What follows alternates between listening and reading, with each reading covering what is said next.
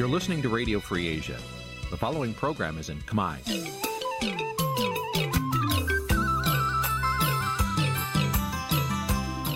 នេះជាកម្មវិធីផ្សាយ Vuthu Azizi Serai នេះជាកម្មវិធីផ្សាយរបស់ Vuthu Azizi Serai ជាភាសាខ្មែរ Vuthu Azizi Serai សូមស្វាគមន៍លោកអ្នកនាងទាំងអស់ពីរដ្ឋធានី Washington នៃសហរដ្ឋអាមេរិក បាទខ្ញុំបាទយ៉ងច័ន្ទដារាសូមជម្រាបសួរលោកអ្នកនាងអ្នកស្ដាប់ Vuthu Azizi Serai ទាំងអស់ជាទីមេត្រីបាទខ្ញុំបាទសូមជូនកម្មវិធីផ្សាយសម្រាប់យប់ថ្ងៃប្រហោះ800ខែមករាឆ្នាំថោះបញ្ញស័កពុទ្ធសករាជ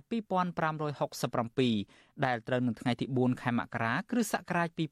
2024បាទជាដំបូងនេះសូមអញ្ជើញអស់លោកអ្នកនាងស្ដាប់ព័ត៌មានប្រចាំថ្ងៃដែលមានមេត្តាដូចតទៅ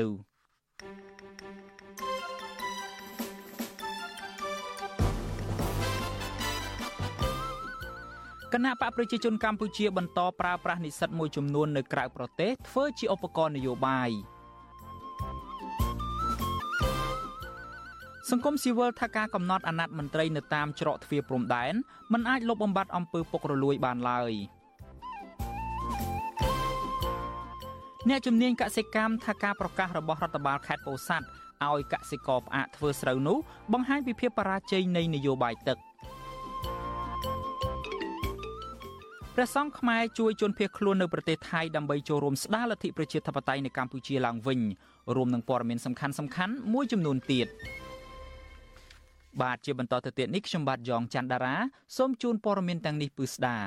បាទលោកនាងជាទីមេត្រីអ្នកខ្លំមើលលើកឡើងថាលោកហ៊ុនសែននៅតែមានមហិច្ឆតាគ្រប់គ្រងអំណាចនៅស្ថាប័នកម្ពុជារបស់ជាតិនៅឡើយ បាទការលើកឡើងរបស់អ្នកវិភាគដូចនេះគឺធ្វើឡើងស្របពេលដែលលោកហ៊ុនសែននឹងចូលទៅកាន់តំណែងជាប្រធានព្រឹទ្ធសភាជំនួសឲ្យលោកសាយឈុំនៅក្រៅការបោះឆ្នោតព្រឹទ្ធសភានៅពេលខាងមុខនេះបាទនៅពេលបន្តិចទៀតនេះលោកនាងនឹងបានស្ដាប់ព័ត៌មាននេះពឺស្ដាររបស់លោកសេកបណ្ឌិត បាទសូមអរគុណទៅទៅឆ្នាំថ្មីមុខឡើងក៏ហ៊ាញហ៊ាញហើយពាក់មួកទៅដូចមេកងកពតចឹងនេះ តាមពិតទៅការជ្រើសរើសយកមួកនឹងមកពាក់នេះគឺថាចង់និយាយពី topic ដែលយើងបានទៅជែកគ្នាពី3សប្តាហ៍រួចមកហើយហ្នឹងបងគឺថាតាក់ទងរឿងរបបខ្មែរក្រហមហើយនឹងបញ្ញវន្តខ្មែរយើងមួយចំនួនហ្នឹងដែលបានលះបង់គ្រប់បែបយ៉ាងដើម្បីត្រឡប់ទៅប្រទេសកម្ពុជាវិញហ្នឹងនៅពេលដែលរបបប៉ុលពតអំពាវនាវទៅនៅពេលគេក្នុង1000ឆ្នាំ1975ដែលគេគិតថាចប់សង្គ្រាមហ្នឹងបង បាទនឹងនិយាយអំពីប្រធានបទនឹងខ្ញុំចាប់អារម្មណ៍មែនតើដែលពូលីពីព្រោះថាបញ្ញវន្តខ្មែរសម័យនោះណាអឺហាក់ដូចជាមានទឹកចិត្តនឹងចង់វិលត្រឡប់មកកសាងជាតិនឹងសម្បំណាស់ អ្នកខ្លះនឹងគឺនៅបារាំងទៅអ្នកខ្លះរៀននៅលម៉ង់អីចឹងទៅខ្ញុំជួបបញ្ញវន្តចាស់ចាស់នឹងទាំងអស់ដែរក្នុងជីវិតជាអ្នកកសែតពេលនេះនឹងសម្ភាសគាត់ខ្លះអ្នកខ្លះក៏ឲ្យសម្ភាសដើម្បីយកមកផ្សាយទៅអ្នកខ្លះគ្រាន់តែឲ្យដំណឹងឲ្យព័ត៌មានទៅគាត់សូមរស់នៅជាជីវិតឯកជនអីចឹងទៅប៉ុន្តែអ្វីដែលខ្ញុំស្ងាយសរសើរពួកគាត់ណាពូលីស្ងាយសរសើរត្រង់ថានៅពេលដែលឮការអំពាវនាវដើម្បីឲ្យវិលត្រឡប់មកជួយកសាងជាតិវិញគឺថាសុខចិត្តលះបង់អស់ហើយទ្រព្យសម្ភារៈអីបែបណាក៏ដោយលះបង់វិចមកប្រវេចមកដើម្បីមកកសាងជាតិ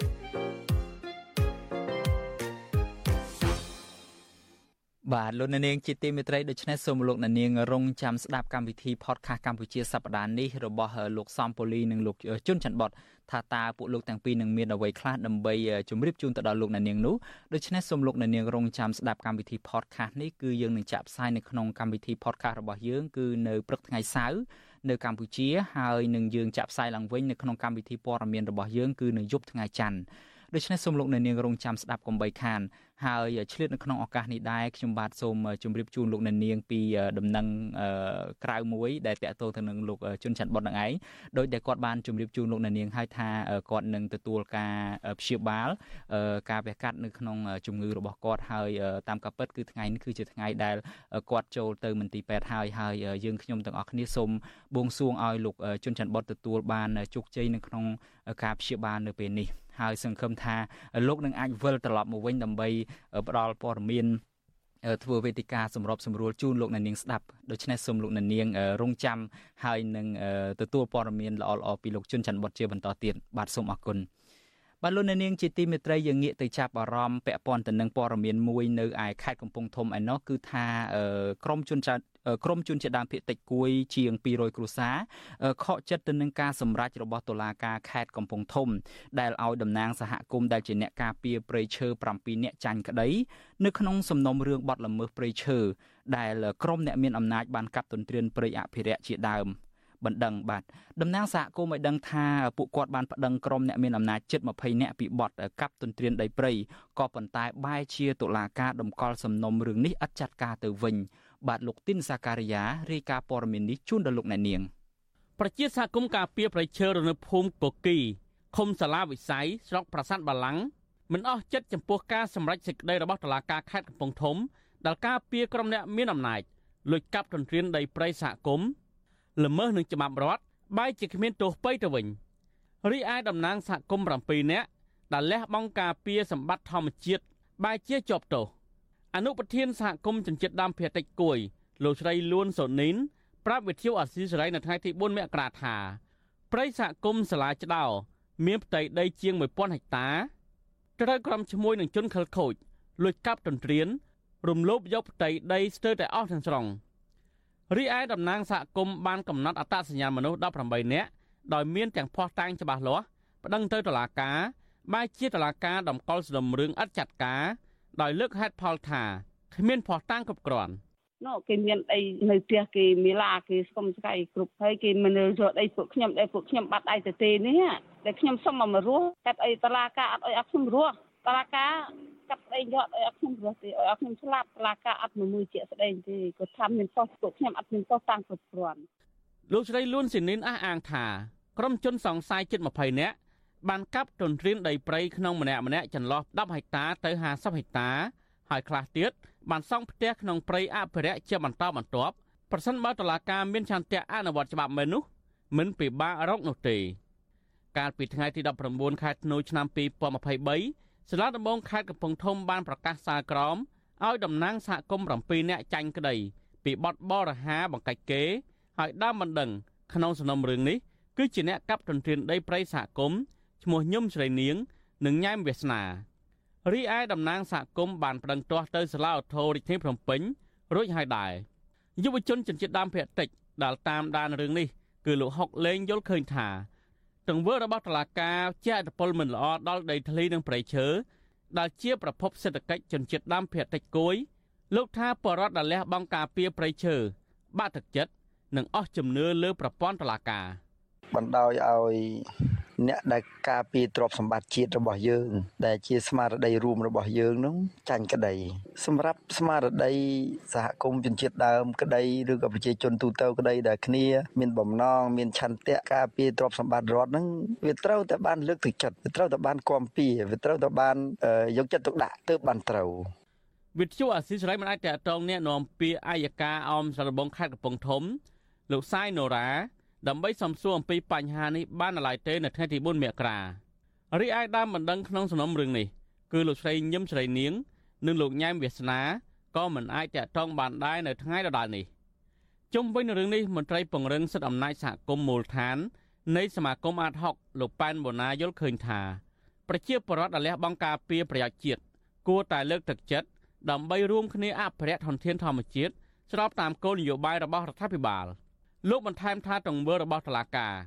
នឹងធ្វើឲ្យប៉ះពាល់គោលនយោបាយកំណែតម្រង់ប្រព័ន្ធតុលាការរបស់ក្រសួងយុទ្ធភ័ពធ្វើពុករលួយហើយនឹងនីតិរដ្ឋភាពនឹងឯងហើយតន្តភាពយើងសួរថាកើតចេញពីណាគឺកើតចេញពីមិនផ្ដន់ទោសអ្នកដែលមានលុយមានអំណាចនឹងដូចក្នុងករណីរឿងនឹងថាអ្នកមានលុយមានអំណាចទៅយកដីម្នាក់ធំធំក៏តែអត់តឡាការអត់មានចាត់វិធានការទាំងអស់កាលណាមានការបន្ថែមឡើងគឺដែលយើងការដាក់សង្ស័យថាវាជាអំពើពុករលួយព្រៃសហគមន៍សាលាច្ដោមានផ្ទៃដីសរុបជាង1000ហិកតា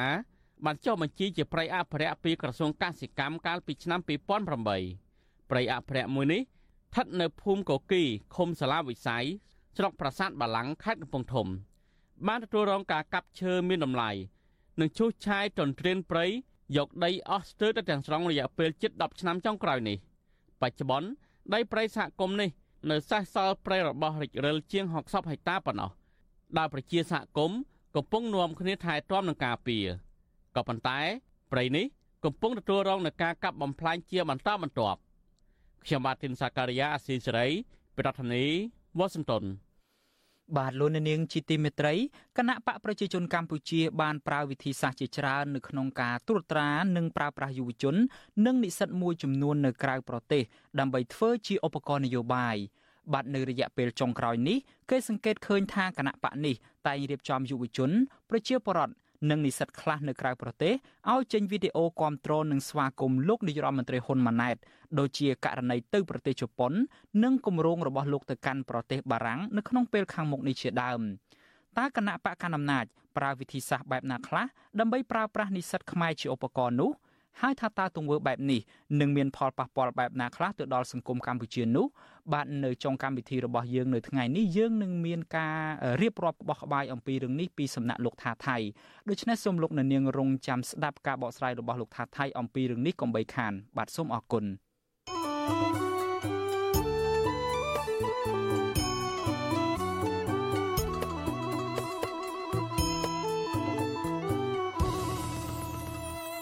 បាទលោកអ្នកនាងជាទីមេត្រីតកតងទៅនឹងបញ្ហានយោបាយនេះដែរអ្នកខ្លាំមើលលើកឡើងថា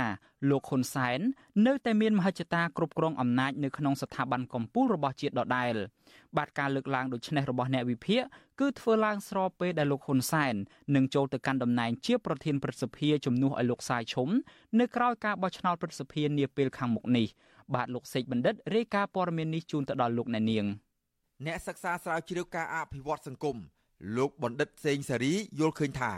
គម្រោងរបស់លោកហ៊ុនសែនទៅដឹកនាំស្ថាប័នប្រសិទ្ធិនៅពេលខាងមុខនេះជាការរៀបចំដើម្បីឲ្យគ្រួសារត្រកូលហ៊ុនអាចគ្រប់គ្រងតំណែងបានយូរតទៅទៀតលោកបន្តទៀតថាផែនការរបស់លោកហ៊ុនសែនជាការបង្ហាញថាលោកហ៊ុនសែននៅតែមានមហិច្ឆតាគ្រប់គ្រងអំណាចលោកបន្តទៀតថាឆ្នាំ2024នេះក្រុមគ្រួសារលោកហ៊ុនសែន នៅតែបន្តគ្រប់គ្រងគណៈបកនិងគ្រប់គ្រងប្រទេស ក្នុងដៃយ៉ាងណែនដដែលបូករួមទាំងការរៀបរៀងមិនឲ្យគណៈបកភ្លើងទៀនដែលជាគណៈបកប្រឆាំងចុងក្រោយ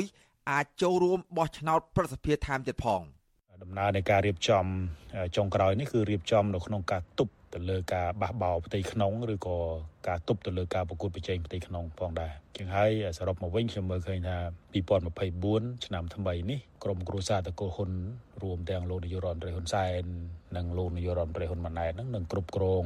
បានទាំងកម្លាំងផ្ទៃក្នុងហើយនឹងអាចទប់ស្កាត់ជាមួយនឹងកម្លាំងនៃការប្រកួតប្រជែងគឺកម្លាំងប្រឆាំងផងដែរបាទបំណងរបស់លោកហ៊ុនសែនគ្រងធ្វើជាប្រធានប្រសិទ្ធិតំណងជាគ្មានឧបសគ្គអ្វីឡើយ ព្រោះគណៈបកប្រជាជនកម្ពុជា ដែលមានសមាជិកក្រុមប្រឹក្សាឃុំសង្កាត់ទូទាំងប្រទេស ជាង9300អាសនៈក្នុងចំណោមអាសនៈសរុបជាង11000អាសនៈដែលជាអង្គបោះឆ្នោតប្រសិទ្ធិខាងមុខនេះនឹងធ្វើឲ្យគណៈបកប្រជាជនកម្ពុជា មានសម្លេងច្រើនលើសលប់អាចដឹកនាំប្រសិទ្ធិបានដដែលស្រដៀងគ្នានេះដែរអ្នកអត្ថាធិប្បាយនយោបាយលោកកឹមសុខយល់ឃើញដែរថាមូលហេតុដែលលោកហ៊ុនសែន ច្បាមយកតំណែងប្រសិទ្ធភាពមួយទៀតនេះព្រោះលោកហ៊ុនសែនត្រូវការអំណាច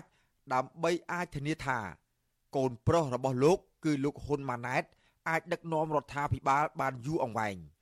លោកបន្តថាលោកហ៊ុនសែនកំពុងព្យាយាមលើកក្រុមគ្រួសារត្រកូលហ៊ុនឲ្យខ្ពង់ខ្ពស់ដោយវងត្រកូលព្រះមហាក្សត្រត្បិតប្រធានប្រសិទ្ធិនឹងคล้ายទៅជាប្រមុខរដ្ឋស្ដីទី នៅពេលអវត្តមានអង្គព្រះមហាក្សត្រ លោកបន្តទៀតថា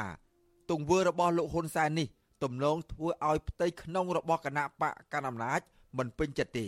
ហើយបើនៅពេលណាលោកហ៊ុនសែនមានបញ្ហាសុខភាពធ្ងន់ធ្ងរមេដឹកនាំគណៈបកកណ្ដាលអំណាចទាំងអស់នោះ អាចនឹងងើបឡើងប្រឆាំងក្រុមគ្រួសារលោកហ៊ុនសែន។ ហើយលោកហ៊ុនសែនយកកម្លាំងកងទ័ពកម្លាំងអង្គរៈរបស់គាត់សម្លុតផ្ទៃក្នុងបកអញ្ចឹងហើយផ្ទៃក្នុងបកអត់មាននរណាគេពេញចិត្តទេតែមាននរណាអាចងើបរួចឬហ៊ានតវ៉ាក្នុងស្ថានភាពជាក់ស្ដែងបែបហ្នឹងណាហើយខ្ញុំមើលទៅគេរងចាំឱកាសដែលអត់មានវត្តមានលោកហ៊ុនសែនស្ថានភាពនឹងវិវត្តបែបណាទៀតតើតើយើងតាមដានណាលោកហ៊ុនសែនប្រធានគណៈបកប្រជាជនកម្ពុជា ប្រកាសកាលពីខែសីហាឆ្នាំ2023 ថាលោកនឹងទៅធ្វើជាប្រធានប្រសិទ្ធិនៅក្នុងនីតិកាលទី5ឆ្នាំ2024នេះជំនួសលោកសាយឈុំដោយការអះអាងនេះមែននៅពេលនេះលោកហ៊ុនសែនបានឈរឈ្មោះនៅក្នុងបញ្ជីចូលឈ្មោះបោះឆ្នោតជ្រើសតាំងសមាជិកព្រឹទ្ធសភានីតិកាលទី5ឆ្នាំ2024ក្នុងភូមិភាគទី3ខេត្តកណ្ដាលប្រសិនគ្មានការប្រែប្រួលក្រោយការបោះឆ្នោតប្រសិទ្ធភាពថ្ងៃទី25ខែកុម្ភៈខាងមុខលោកហ៊ុនសែន នឹងឡើងធ្វើជាប្រធានប្រសិទ្ធភាពជំនួសលោកសាយឈុំត្បិតលោកសាយឈុំដែលសពថ្ងៃជាប្រធានប្រសិទ្ធភាពនិងជាអនុប្រធានគណៈបកប្រជាជនកម្ពុជាផងនោះនឹងត្រូវដាក់ឲ្យចូលនិវត្តន៍តកតោនឹងរឿងនេះអ្នកនាំពាក្យគណៈបកប្រជាជនកម្ពុជា លោកសុកអេសានប្រាប់ថានេះជាសិទ្ធិសម្រេចរបស់គណៈបកប្រជាជនកម្ពុជា ក្នុងការរៀបចំចាត់ចែងកម្លាំងដើម្បីគ្រប់គ្រងស្ថាប័នកម្ពុជាកម្ពុជារបស់ជាតិ និងដើម្បីការពារសន្តិភាព ដឹកនាំប្រទេសឲ្យមានការរីកចម្រើន លោកអះអាងទៀតថាការរៀបចំដាក់ឲ្យលោកសាយឈុំចូលនិវត្តន៍នាពេលខាងមុខដ៏ខ្លីនេះមិនប៉ះពាល់ផ្ទៃក្នុងគណៈបកប្រជាជនកម្ពុជាឡើយ។ គ្រប់សភាពការនយោបាយសេដ្ឋកិច្ចសង្គមរបស់កម្ពុជា គឺថាគ្រប់គ្រងបានដោយគណៈបកប្រជាជនកម្ពុជាយ៉ាងនេះពេលណាដែលសភាពការតានតឹងដែលគេហៅថាតានតឹងនោះគឺថាផ្ទៃក្នុងគណៈបកប្រជាជនកាន់តែរឹងមាំកាន់តែមានសាមគ្គីឯកភាពផ្ទៃក្នុងរឹងមាំដើម្បីរួមគ្នាទ្រលសភាពការកាលពីឆ្នាំ2023កន្លងទៅនេះដែលជាពេលវេលារបស់លោកហ៊ុនសែនផ្ទៃអំណាច នាយករដ្ឋមន្ត្រី ទៅឲ្យលោកហ៊ុនម៉ាណែត បានរុញមេដឹកនាំគណៈបកប្រជាជនកម្ពុជា ដែលមានឥទ្ធិពលមួយចំនួនដូចជាលោកសខេងលោកទាបាញ់អ្នកស្រីម៉ែនសំអន និងលោកជាសភារាជាដើមឲ្យទៅធ្វើជាសមាជិកឧត្តមក្រុមប្រឹក្សាព្រះមហាក្សត្រមានឋានៈស្មើឧបនាយករដ្ឋមន្ត្រី ចំណែករូបលោក ដែលធ្វើជាប្រធានក្រុមឧត្តមប្រឹក្សាផ្ទាល់ព្រះមហាក្សត្រនេះមានឋានៈស្មើនឹងនាយករដ្ឋមន្ត្រី រីឯលោកហេងសំរិន ជាប្រធានកិត្តិយសក្រមឧត្តមប្រឹក្សាផ្ទាល់ព្រះមហាក្សត្រមានឋានៈស្មើនឹងនាយករដ្ឋមន្ត្រីផងដែរខ្ញុំបាទសេកបណ្ឌិតវុទ្ធុអាស៊ីសេរីពីរដ្ឋធានីវ៉ាស៊ីនតោន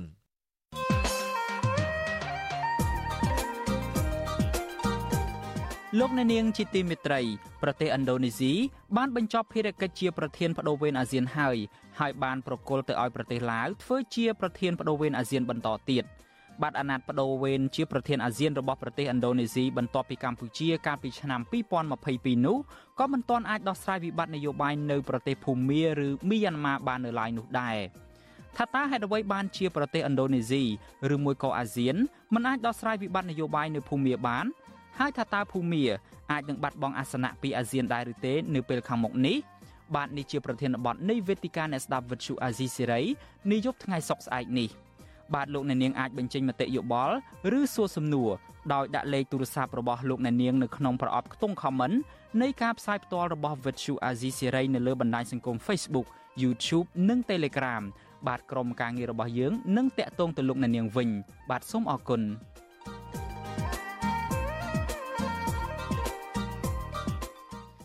បាទលោកអ្នកនាងជាទីមេត្រីយើងងាកមកចាប់អារម្មណ៍ពាក់ព័ន្ធទៅនឹងបញ្ហាអំពើពុករលួយឯនេះវិញ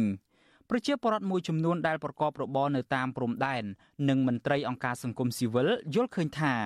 ការកំណត់អាណត្តិនិងបដូរប៉ុស្តិ៍របស់មន្ត្រីនៅតាមច្រកទ្វារព្រំដែនមិនមែនអាចលុបបំបាត់អំពើពុករលួយបាននោះទេ បាទពួកគាត់លើកឡើងថាអំពើពុករលួយនៅតាមច្រកទ្វារព្រំដែននោះមានលក្ខណៈជាប្រព័ន្ធដោយមន្ត្រីពុករលួយ នៅតែយកច្រកព្រំដែនធ្វើជាកន្លែងរកស៊ីបានបើទោះបីជាបដូរប៉ុស្តិ៍ឈរជើងក៏ដោយបាទលោកមានរិទ្ធរាយការណ៍ព័ត៌មាននេះជូនលោកអ្នកនាង ពលរដ្ឋប្រកបរបរនៅច្រកព្រំដែនលើកឡើងថាការកំណត់អាណត្តិការងាររបស់មន្ត្រីនគរបាលច្រកទ្វារព្រំដែនប្រៀបបានទៅនឹងការផ្លាស់ប្ដូរមន្ត្រីពុករលួយចាស់ទៅកន្លែងផ្សេងនិងយកមន្ត្រីពុករលួយថ្មីមកដាក់ជំនួសវិញពលរដ្ឋនៅក្រុងប៉ោយប៉ែតលោកពៅវាសនាប្រាវិសុវអាស៊ីស្រីនៅថ្ងៃទី4ខែមករាថាលោកឃើញមានការផ្លាស់ប្តូរមន្ត្រីច្រកព្រំដែនជាច្រើនលើកមកហើយក៏ប៉ុន្តែអំពើពុករលួយ នៅតែកើតមានដដែល លោកបន្តថានគរបាលច្រកព្រំដែនតែងតែហាមឃាត់ពលរដ្ឋមិនឲ្យប្រកបរបរអូសរទេសដឹកអីវ៉ាន់ក៏ប៉ុន្តែអាជ្ញាធរបែរជាអនុញ្ញាតឲ្យឈ្មួញធំធំនាំចូលរបស់របរខូចគុណភាពខុសច្បាប់និងកិច្ចពន្ធចូលមកក្នុងប្រទេសទៅវិញវ៉ាប៉ែប៉ែនោះយ៉ាប់អីនោះដូរមីដាក់មីណាហ្នឹងមិនទៅចូលខ្ញុំដឹកបានចាប់ខ្ញុំធ្វើបាបខ្ញុំអូខ្ញុំទាំងងាប់គេអីយើងអីបានកពិតកពុកចង្រិតផងនោះដុកឌឺផងហើយវត្តពេលរបស់ខុសច្បាប់វាចាប់ទេទីលុយគេអីវ៉ាន់ចេញមកចេញទៅឲ្យទៅលុយវាហើយយើងមានទីជួយបងវាវាមិនយកទេអាចង្រិតទីជួយវាចាប់ឲ្យដឹកត្មងថាចឹងអាពុកអាលួយគុំនេះវាតានាណាខ្ញុំនិយាយបាក់ណាគុំនេះនិយាយចំទៅគឺបាត់តែអ្នកកៃកោអាអ្នកមានចរបានអាអ្នកកោគ្នាកណាកោទៅនោះការលើកឡើងរបស់ពលរដ្ឋរុងនេះគឺបន្ទាប់ពីរដ្ឋមន្ត្រីក្រសួងមហាផ្ទៃលោកសសុខាកាលពីថ្ងៃទី29ខែធ្នូបានចុះប្រកាសមួយស្ដីពីការកំណត់អាណត្តិការងាររយៈពេល4ឆ្នាំដល់នាយប៉ុស្តិ៍និងនាយរងប៉ុស្តិ៍នគរបាលច្រកទ្វារព្រំដែនអន្តរជាតិ សេចក្តីប្រកាសនេះបានកំណត់ឲ្យច្រកព្រំដែននីមួយៗមាននាយប៉ុស្តិ៍មួយរូបនិងនាយរងប៉ុស្តិ៍ចន្លោះពី8រូបទៅ25រូបដោយនាយប៉ុស្តិ៍និងនាយរងប៉ុស្តិ៍ដែលចប់អាណត្តិត្រូវតែងតាំងមុខតំណែងថ្មីឬតែងតាំងជានាយប៉ុស្តិ៍និងនាយរងប៉ុស្តិ៍ផ្សេងទៀតសម្រាប់អាណត្តិបន្ទាប់ទោះជាយ៉ាងណាការកំណត់អាណត្តិមន្ត្រីច្រកព្រំដែននេះ ក៏មិនខុសពីការផ្លាស់ប្ដូរកន្លែងគ្នាអង្គុយរបស់ចៅក្រមព្រាអាជ្ញានិងអភិបាលខេត្តនោះឡើយគណៈមន្ត្រីច្រកព្រំដែនមួយចំនួន មានរឿងរ៉ាវអាស្រូវប្រព្រឹត្តអំពើពុករលួយជាច្រើនមកហើយ ជាស្ដែងកាលពីខែមេសាឆ្នាំ2023នៅពេលដែលប្រជាកសិករខ្មែរឆ្លងដែនត្រឡប់មកស្រុកកំណើតនៅក្នុងពិធីបុណ្យចូលឆ្នាំថ្មីមន្ត្រីអន្តរប្រវេសន៍នៅច្រកទ្វារព្រំដែនអន្តរជាតិដូងស្ថិតនៅស្រុកកំរៀងខេត្តបាត់ដំបងបានយកលុយពីពលករខ្មែរក្នុងម្នាក់1000បាតឬប្រមាណ120,000រៀល ក្នុងនោះប្រជាពលរដ្ឋបានរិះគន់ប៉ូលីសអន្តរប្រវេសន៍នៅច្រកទ្វារព្រំដែនអន្តរជាតិនេះថាបានសហការគ្នាជាមួយមេខ្យល់នាំពលករឆ្លងដែនខុសច្បាប់និងផ្ដល់សិទ្ធិឲ្យក្រុមអ្នកដឹកអីវ៉ាន់ឆ្លងដែននិងអ្នករត់តាក់ស៊ីទារថ្លៃពីអ្នកដំណើរកប់ពពកចំណែកកាលពីឆ្នាំ2022 នគរបាលច្រកទ្វារព្រំដែនអន្តរជាតិប៉ោយប៉ែតបានហាមឃាត់មិនឲ្យពលរដ្ឋប្រកបរបរអូសរទេស ដឹកអីវ៉ាន់ចេញចូលទឹកដីថៃតទៅទៀតទេ ដោយប្រគល់សិទ្ធិឲ្យតែអ្នកមានរថយន្តស៊ីឈ្នួលប្រកបរបរនេះវិញ ដែលធ្វើឲ្យពលរដ្ឋខ្មែរក្រីក្រជួបបញ្ហាជីវភាពធ្ងន់ធ្ងរ វិសុវស៊ីស្រីមណាតតងแนะនាំពីអគ្គនាយកដ្ឋានអន្តរប្រវេសលោកកែវវ៉ាន់ថននិងแนะនាំពាក្យរងនៃក្រសួងមហាផ្ទៃលោកទូចសុខៈដើម្បីសុំការបកស្រាយជុំវិញរឿងនេះបាននៅឡើយទេនៅថ្ងៃទី4ខែមករាប្រធានសមាគមពង្រឹងសេដ្ឋកិច្ចក្រៅប្រព័ន្ធកម្ពុជា លោកដិនពុទ្ធិយល់ឃើញថាការកំណត់អាណត្តិនាយប៉ុស្តិ៍នៅច្រកព្រំដែនគឺគ្រាន់តែធ្វើឲ្យល្អមើលព្រោះនៅពេលផុតអាណត្តិមន្ត្រីទាំងនោះមិនបានផ្លាស់ភារកិច្ចនោះទេ ដែលលោកថាគ្រាន់តែផ្លាស់ប្ដូរទីតាំងឈរជើងតែប៉ុណ្ណោះដែលធ្វើឲ្យមន្ត្រីមួយចំនួននៅតែអាចប្រព្រឹត្តអំពើពុករលួយបានដដែល។ ដាញថ្មីម្ដាញចាស់វាតែមួយវាដូចតែគ្នាខ្សែតែមួយវាមិនអីពិបាកគឺប្រពន្ធអំពើពុកលួយទេគេដឹងរបៀបរបបស៊ីហើយស្រេចហ្នឹងប្រព័ន្ធហ្នឹងវាមានត្រូវតែប្រមូលលុយប្រមូលកាក់ដឹងរបៀបហើយហើយយកឯកសារគ្រប់មុខទៀមទាគ្រប់មុខគ្រប់សពហើយកូពីឯកសារមិនចេះចប់ចេះហើយទេតែពិតឯកសារក្នុងប្រព័ន្ធមានហើយតាខ្ញុំនិយាយទៅថានេះវាជាលក្ខណៈមួយមិនមែនជាលក្ខណៈគឺទៀមទារកឯកសារដើម្បីភាពត្រឹមត្រូវវាទៀមទារកឯកសារហ្នឹងដើម្បីប្រព្រឹត្តអំពើពុករលួយហ្នឹងបើអត់ឯកសារត្រូវចាយលុយច្រើន ពលរដ្ឋនិងមន្ត្រីសង្គមស៊ីវិលស្នើឲ្យរដ្ឋាភិបាលគួរចាត់វិធានការឲ្យមានប្រសិទ្ធភាពដោយស៊ើបអង្កេតរោគមន្ត្រីពុករលួយនៅតាមព្រំដែនជាជាងការដូរកន្លែងគ្នាអង្គុយដែលផ្ដល់ឱកាសឲ្យមន្ត្រីទុច្ចរិតនៅតែអាចប្រព្រឹត្តអំពើពុករលួយនៅកន្លែងថ្មីបានខ្ញុំបានមេរិត Visual Asia ស្រី ពីរដ្ឋធានី Washington បាទលោកអ្នកនាងជាទីមេត្រីគណៈបកប្រជាជនកម្ពុជាបានប្រើវិធីសាស្ត្រជាច្រើននៅក្នុងការត្រួតត្រា និងប្រើប្រាស់យុវជននិងនិស្សិតមួយចំនួននៅក្រៅប្រទេសធ្វើជាឧបករណ៍នយោបាយរបស់ខ្លួនបាទគេសង្កេតឃើញថានៅរយៈពេលចុងក្រោយនេះគណៈបកនេះតែងតែរៀបចំយុវជន ប្រជាពលរដ្ឋនិងនិស្សិតខ្លះនៅក្រៅប្រទេសឲ្យចេញវីដេអូអ្នកគាំឲ្យចេញវីដេអូគាំទ្រនិងស្វាគមន៍លោកនាយរដ្ឋមន្ត្រីហ៊ុនម៉ាណែត ដូចជាករណីទៅប្រទេសជប៉ុននិងគម្រោងទៅប្រទេសបារាំងរបស់លោកនៅក្នុងពេលឆាប់ៗខាងមុខនេះបាទថាតើគណៈបកប្រជាជនកម្ពុជាប្រើវិធីសាស្ត្របែបណាខ្លះដើម្បីប្រើប្រាស់និស្សិតខ្មែរជាឧបករណ៍នយោបាយនោះហើយថាតើទង្វើបែបនេះនឹងមានផលប៉ះពាល់បែបណាដល់សង្គមកម្ពុជានោះបាទនៅពេលបន្តិចទៀតនេះលោកនាងនឹងបានស្ដាប់ការបកស្រាយរឿងនេះពីសំណាក់លោកថាថៃនៅពេលបន្តិចទៀតនេះដូច្នេះសូមលោកនាងរងចាំស្ដាប់កុំបីខាន។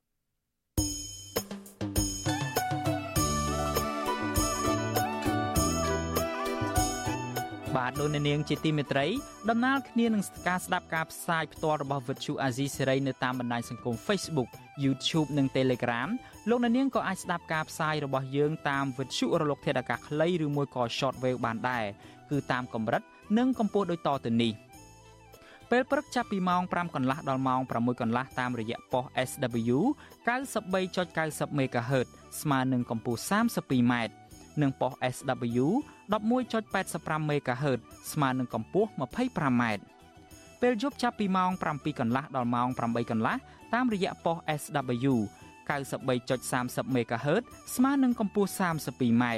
ប៉ុស SW 11.88 MHz ស្មើនឹងកម្ពស់ 25m និងប៉ុស SW 15.15 MHz ស្មើនឹងកម្ពស់ 20m បាទសូមអរគុណ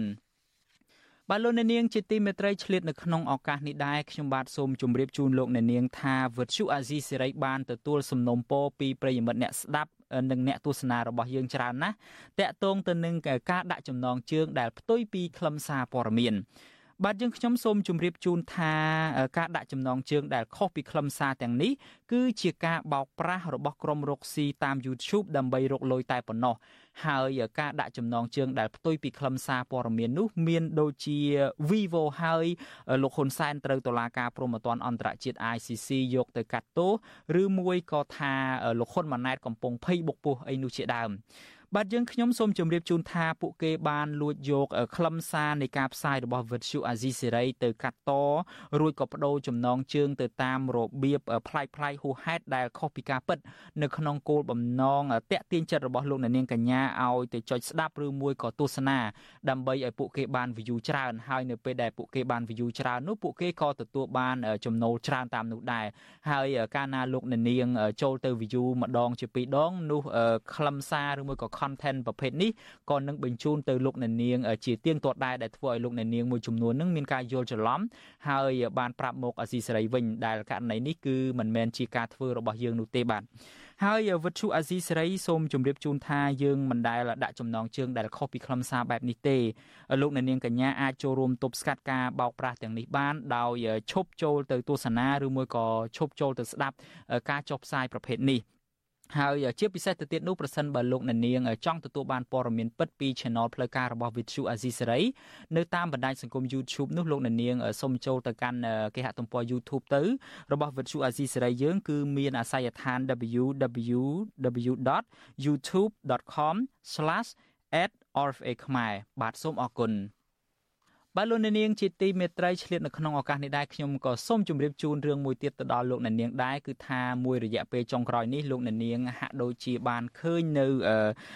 ការបញ្ចេញមតិយោបល់ដែលមានលក្ខណៈផ្ទួនគ្នានៅលើការផ្សាយរបស់យើងសូម្បីតែនៅថ្ងៃនេះនៅពេលនេះនៅពេលដែលខ្ញុំបាទកំពុងជម្រាបជូនព័ត៌មានទៅកាន់លោកអ្នកនាងនេះមានការចូលបញ្ចេញមតិយោបល់ផ្ទួនផ្ទួនដដែលដដែលរបៀបវាយលុកយ៉ាងច្រើនសន្ធឹកសន្ធាប់បាទការបញ្ចេញយោបល់ទាំងនោះហាក់ដូចជាមានលក្ខណៈជាប្រព័ន្ធនិងមានការរៀបចំទុកជាមុនយើងខ្ញុំកំពុងពិនិត្យមើលបញ្ហានេះហើយទោះជាយ៉ាងណាវិទ្យុអាស៊ីសេរីនៅតែប្រកាន់ខ្ជាប់នៅគឺការគោរពសេរីភាពនៃការបញ្ចេញមតិដោយត្រឹមត្រូវនិងពិតប្រាកដបាទសូមអរគុណបាទលោកនាងជាទីមេត្រីយើងងាកទៅចាប់អារម្មណ៍មួយទៀតពាក់ព័ន្ធទៅនឹងបញ្ហារបស់កសិករឯនេះវិញអ្នកជំនាញផ្នែកកសិកម្មនិងមន្ត្រីអង្គការសង្គមស៊ីវិលលើកឡើងដូចដូចគ្នាថា ការប្រកាសឲ្យកសិករផ្អាកធ្វើស្រូវរបស់រដ្ឋបាលខេត្តពោធិ៍សាត់គឺបង្ហាញពីភាពបរាជ័យនៃនយោបាយទឹកអ្នកនាំពាក្យក្រសួងកសិកម្មអះអាងថាដោយសារតែកសិករនាំគ្នាសម្រុកដាំស្រូវមានចំនួនច្រើនជាងឆ្នាំមុនទើបបណ្ដាលឲ្យខ្វះទឹកធ្វើស្រែតើប្រជាពលរដ្ឋនិងមន្ត្រីអង្គការសង្គមស៊ីវិលប្រតិកម្មបែបណាទៅនឹងការលើកឡើងរបស់ក្រសួងនិងរដ្ឋបាលខេត្តពោធិ៍សាត់នេះបាទយើងប្រកុលនីតិនេះជូនដល់អ្នកស្រីសុជីវីរាយការណ៍ជូនលោកអ្នកនាងដូចតទៅ។ អ្នកជំនាញកសិកម្មនិងមន្ត្រីសង្គមស៊ីវិលលើកឡើងស្រដៀងស្រដៀងគ្នាថាដើម្បីលើកកម្ពស់ជីវភាពប្រជាកសិកររដ្ឋបាលខេត្តពោធិ៍សាត់គួរបង្កើនប្រភពទឹកនិងជួយបូមទឹកឲ្យប្រជាកសិករបានធ្វើស្រែជាជាងប្រកាសណែនាំមិនឲ្យប្រជាពលរដ្ឋធ្វើស្រែលើកទី2ក្រុមប្រឹក្សាភិបាលរបស់អង្គការសាមគ្គីភាពកសិករកម្ពុជាលោកឌីគុន្ធាយល់ស្របចំពោះការប្រ កាសឲ្យប្រជាពលរដ្ឋផ្អាកធ្វើស្រែលើកទី2របស់រដ្ឋបាលខេត្តពោធិ៍សាត់ដើម្បីទប់ស្កាត់កុំឲ្យប្រជាកសិករខាត់បង់ពីការដាំដុះស្រូវតែលោកថា ការប្រកាសបែបនេះគឺឆ្លុះបញ្ចាំងថានយោបាយទឹករបស់រដ្ឋាភិបាលកម្ពុជា នៅមិនទាន់ដើរដល់គោលដៅនោះទេ លោកបន្តថាដើម្បីដោះស្រាយវិបត្តិស្រូវអង្កររដ្ឋាភិបាលគួរអន្តរាគមឲ្យប្រជាកសិករដាំដុះស្រូវឲ្យបានគ្រប់រដូវ ជាជាងប្រកាសឲ្យប្រជាពលរដ្ឋផ្អាកការបង្កបង្កើនផល ដែលនាំឲ្យបាត់បង់ប្រាក់ចំណូលចំពោះមុខរដ្ឋាភិបាលត្រូវយកចិត្តទុកដាក់ទី1គឺត្រូវតែរៀបចំធ្វើការស្ដារប្រព័ន្ធស្រោចស្រពធ្វើម៉េចឲ្យមានសមត្ថភាពពិតក្នុងការស្រោចស្រពដំណាំស្រូវឲ្យបាន2រដូវឡើងទៅទី2រដ្ឋាភិបាលត្រូវត្រៀមបង្កើតគោលនយោបាយ ដើម្បីឲ្យវិស័យស្រោងករបស់កម្ពុជា មានសមត្ថភាពពិតយកទៅប្រកួតប្រជែងជាមួយនឹងប្រទេសជិតខាងការលើកឡើងរបស់មន្ត្រីសង្គមស៊ីវិលរូបនេះធ្វើឡើងបន្ទាប់ពីរដ្ឋបាលខេត្តពោធិ៍សាត់បានចេញសេចក្តីប្រកាសមួយនៅថ្ងៃទី3ខែមករាឲ្យប្រជាពលរដ្ឋផ្អាកការដាំដុះស្រូវប្រាំងលើកទី2ដោយសារមិនមានទឹកគ្រប់គ្រាន់រដ្ឋបាលខេត្តពោធិ៍សាត់លើកឡើងថា មន្ទីរធនធានទឹកនិងអូតូនិយមខេត្តអាចផ្គត់ផ្គង់ទឹក សម្រាប់តែធ្វើស្រែប្រាំងត្រឹមតែ20000ហិកតាតែប៉ុណ្ណោះក្នុងពេលដែលការដាំដុះស្រូវមានរហូតដល់ទៅជាង40000ហិកតាបន្ថែមពីនេះរដ្ឋបាលខេត្តពោធិ៍សាត់ថែមទាំងព្រមានថាប្រសិនបើពលរដ្ឋនៅតែបន្តធ្វើស្រែលើកទី2នោះរដ្ឋបាលខេត្តនឹងមិនទទួលខុសត្រូវលើការខ្វះខាតទឹកស្រោចស្រពដំណាំស្រូវរដូវប្រាំងឆ្នាំ2024នេះឡើយឆ្លើយតបនឹងការលើកឡើងរបស់មន្ត្រីសង្គមស៊ីវិលអ្នកនាំពាក្យក្រសួងកសិកម្មរុក្ខាប្រមាញ់និងនេសាទ កញ្ញាអឹមរចនាអះអាងថាមូលហេតុដែលបណ្ដាលឲ្យខ្វះខាតទឹកសម្រាប់ធ្វើស្រែគឺបណ្ដាលមកពីតម្លៃស្រូវសើមនៅទីផ្សារមានតម្លៃថ្លៃចន្លោះពី1300រៀលទៅដល់1500រៀលដែលធ្វើឲ្យប្រជាពលរដ្ឋនៅក្នុងខេត្តពោធិ៍សាត់នាំគ្នាសម្រុកដាំដុះស្រូវច្រើនជាងឆ្នាំមុនមុនអញ្ញាធិខេត្តបានកណនីមកចាត់អស់ហើយថា នឹងអាចប្រឈមនឹងការខ្វះទឹកនៅក្នុងពេលខាងមុខនឹងអញ្ចឹងហើយទូមកជាប្រដ្ឋលោកធ្វើម៉េចគិតគូរហើយនឹងបើសិនជាអាចទៅរួចអនុវត្តទៅតាមការអំពាវនាវរបស់អាជ្ញាធរខេត្តដែលសូមឲ្យផ្អាកការដាំដុះដំណាំស្រូវនៅក្នុងរដូវខាងមុខនេះជុំវិញរឿងនេះអ្នកជំនាញកសិកម្មលោកនីណាមានប្រសាសន៍ថាដើម្បីលើកកម្ពស់ជីវភាពប្រជាកសិកររដ្ឋាភិបាលគួរតែទម្លាក់ថវិកាជាតិ អន្តរាគមបូមទឹកបន្ថែមឲ្យប្រជាពលរដ្ឋបង្កបង្កើនផលគ្រប់គ្រាន់ជាជាងចេញសេចក្តីប្រកាសឲ្យប្រជាកសិករផ្អាកធ្វើស្រូវ។សូមឲ្យអាជ្ញាធរខេត្តនិងមន្ទីរកសិកម្មខេត្តនឹងគិតឡើងវិញព្រោះរដ្ឋាភិបាលមានលទ្ធភាពធំធេងណាស់ក្នុងការជួយកសិករគ្រាន់តែបញ្ហាគ្រប់គ្រងអាកាសធាតុហ្នឹងគឺគាត់អាចជួយបានមិនចាំបាច់អីធ្វើអីច្រើនក៏គាត់ជួយតែតម្លាក់តម្លៃថ្លៃទឹកនឹងឬក៏បូមទឹកបន្ថែមហ្នឹងជាការជួយកសិករឲ្យអាចធ្វើស្រែបានហើយ អ្នកជំនាញកសិកម្មលើកឡើងទៀតថាការខ្វះខាតទឹកឲ្យកសិករធ្វើស្រែនេះបង្ហាញពីភាពទន់ខ្សោយរបស់រដ្ឋាភិបាលក្នុងការលើកកម្ពស់ជីវភាពប្រជាកសិករខណៈប្រទេសជិតខាងកម្ពុជាមិនត្រឹមតែអាចផ្គត់ផ្គង់ទឹកគ្រប់គ្រាន់ទៅឲ្យប្រជាកសិករប៉ុណ្ណោះទេ តែរដ្ឋាភិបាលប្រទេសទាំងនោះថែមទាំងមានគោលនយោបាយជួយបង្កើនទិន្នផលកសិកម្មនិងធានាឲ្យផលិតផលកសិកម្មមានតម្លៃសមរម្យទៀតផង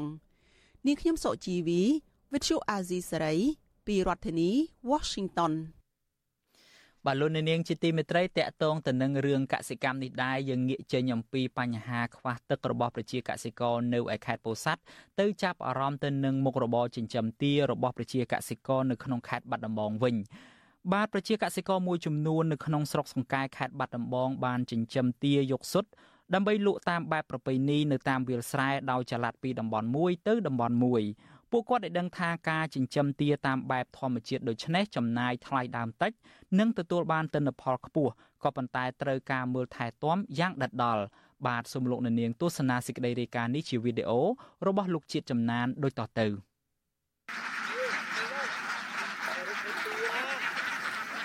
នៅវេលាម៉ោង5កន្លះព្រលឹមស្រាងស្រាងនៅកណ្ដាលវាលស្រែដែលមានអាកាសធាតុត្រជាក់និងជោអាប់សម្លេងសត្វទាបានបន្លឺឡើងព្រមគ្នាហាក់ដូចជានាឡិការោប្រាប់ទៅម្ចាស់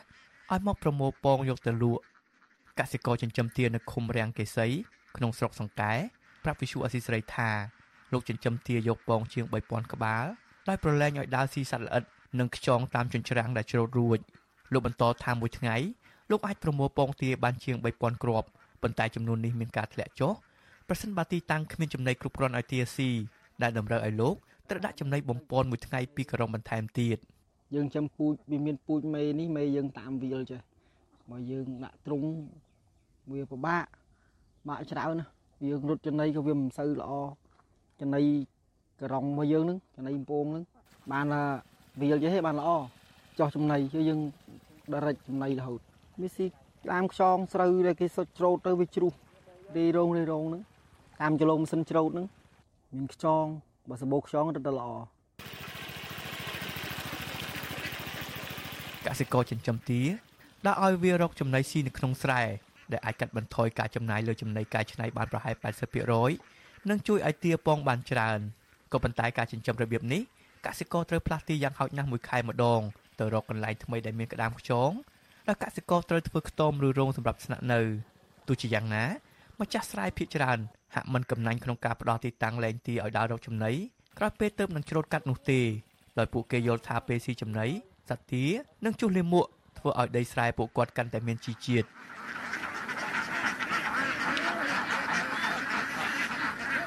កសិករចិញ្ចឹមទាម្នាក់ទៀតឲ្យដឹងថាលោកចិញ្ចឹមទាជាង3000ក្បាលហើយពូជទាទាំងនោះគឺលោកទិញពីកសិដ្ឋានដែលមានតម្លៃ3000រៀលក្នុងមួយក្បាលនិងត្រូវចិញ្ចឹមជាង3ខែទើបទាអាចចាប់ផ្ដើមមានពងលោកបន្តថាភាគច្រើនកសិករដែលចិញ្ចឹមទានៅតាមវាលស្រែមិនទាន់មានជំនាញភ្ញាស់កូនទាដោយខ្លួនឯងឡើយ តែកត្តានេះធ្វើឲ្យពួកគាត់ត្រូវចំណាយដើមទុនច្រើន នៅពេលដែលទាចាស់ឈប់ពង និងដាក់ទាថ្មីជំនួសធ្លាប់ខ្ញុំធ្លាប់ខាតដែរបងធ្លាប់ពេលខ្លះវាខ្សែធនថា យើងដាច់វាទៅយើងលក់អត់ទេបងអត់ថាយើងអត់ទៅក្រៅប្រទេសព្រោះអីពងទាខ្មែរយើងនៅតែតំបន់25ខេត្តក្រុងយើងហ្នឹងចាយចាយប៉ុណ្្នឹងអស់ហើយពងទាយើងតិចដែរមិនច្រើនផងបាទមានតែនាំពីក្រៅមកចូលមកវិញ ធ្លាក់ចុះមកពីប្រហែលជា មានពងទានាំពីក្រៅមកចូលទាដែលកសិករនិយមចិញ្ចឹមដើម្បីយកពង និងសាច់លក់គឺពូជទាសំពៅដែលមានពណ៌សម្បកអំពៅដងខ្លួនពណ៌ប្រផេះពោះពណ៌សចំពោះពណ៌ប្រផេះជើងពណ៌លឿងនិងទាអង្កាម ដែលមានពណ៌ប្រផេះនិងពណ៌លឿងទុំករាងខ្លីដងខ្លួនសំប៉ែតមានទម្ងន់ចាប់ពី2ទៅ3គីឡូក្រាមពូជទាទាំងពីរនេះចិញ្ចឹមឆាប់ទទួលបានផល មិនរើសចំណីធន់នឹងអាកាសធាតុ មានពងច្រើនហើយជាធម្មតាទាដែលមានអាយុ3ខែនឹងចាប់ផ្ដើមពងរហូតដល់អាយុជាង2ឆ្នាំកសិករបញ្ជាក់ថាពួកគេមិននិយមចិញ្ចឹមទាឈ្មោលលាយជាមួយទាញីនោះឡើយព្រោះវាអាចធ្វើឲ្យទាញីអន់លែងសូវមានពង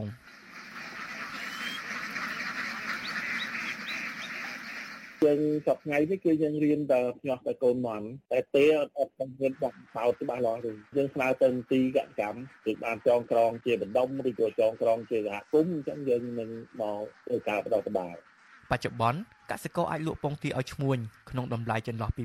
250ទៅ300រៀលក្នុងមួយគ្រាប់ខណៈពងទាលក់នៅទីផ្សារ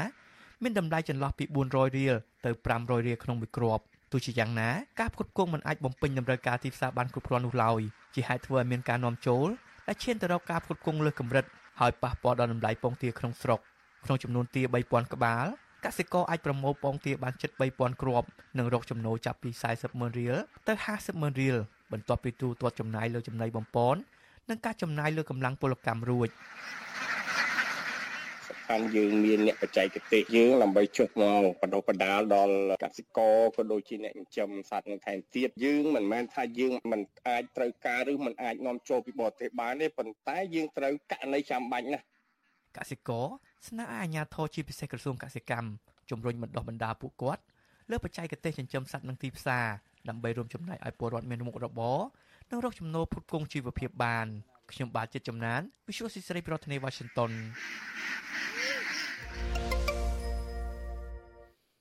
បាទលោកនាងជាទីមេត្រីមុននឹងទៅដល់ការបកស្រាយរបស់លោកថាថៃតកតងទៅនឹងយុទ្ធសាស្ត្ររបស់គណៈបកប្រជាជនកម្ពុជានៅក្នុងការប្រើប្រាស់និស្សិតនិងប្រជាពលរដ្ឋខ្មែរនៅក្រៅប្រទេសជាឧបករណ៍នយោបាយរបស់ខ្លួននោះយើងមានសេចក្តីរាយការណ៍មួយទៀតពីលោកជីវិតា បាទលោកជីវិតាបានឲ្យដឹងថាមជ្ឈមណ្ឌលសម្របសម្រួលឧក្រិដ្ឋកម្មតាមអ៊ីនធឺណិតរបស់ប្រទេសឥណ្ឌា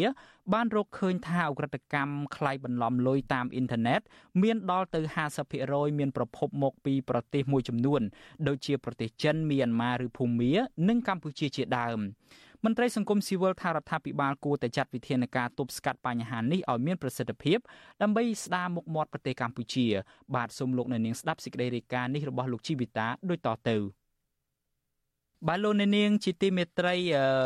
សេចក្តីរាយការណ៍របស់លោកជីវិតានេះយើងនឹងចាក់ផ្សាយជូនទៅដល់លោកអ្នកនាងនៅក្នុងកម្មវិធីផ្សាយនៅព្រឹកស្អែកក៏ប៉ុន្តែលោកជីវិតាយល់លោកជីវិតាដដែលក៏មានសេចក្តីរាយការណ៍ដាច់ដライមួយទៀតជាវីដេអូគឺតាក់ទងទៅនឹងអាជីវកម្មរបស់កូនប្រុសលោកអង្ញាត្រីភិបគឺលោកត្រីដាលុច បាទលោករាយការណ៍មកថាក្រុមហ៊ុន Global Green របស់លោកត្រីដាលុចដែលរកស៊ីដឹកជញ្ជូនរ៉ែដែកយកទៅលក់នៅប្រទេសវៀតណាមកំពុងធ្វើអាជីវកម្មរ៉ែដែកនៅក្នុងខេត្តព្រះវិហារបានធ្វើឲ្យប៉ះពាល់ដល់ដីស្រែចម្ការរបស់ប្រជាពលរដ្ឋជាច្រើនហិកតាបាទមន្ត្រីអង្គការសង្គមស៊ីវិលយល់ឃើញថារដ្ឋាភិបាលគួរតែពិគ្រោះយោបល់ជាមួយនឹងប្រជាពលរដ្ឋជាមុនសិនដើម្បីរកដំណោះស្រាយសមរម្យដល់ពលរដ្ឋរស់នៅជុំវិញតំបន់នោះ បាទលោកជីវិតារាយការណ៍ព័ត៌មាននេះជាវីដេអូជូនទៅដល់លោកអ្នកនាងដូចតទៅក្រុមហ៊ុន Global Green Cambodia Energy Development ជារបស់លោកត្រីដលុចត្រូវជាកូនប្រុសរបស់អ្នកអុកញ៉ាត្រីភិបដែលជាទីប្រឹក្សារបស់ប្រធានគណៈបកប្រជាជនកម្ពុជា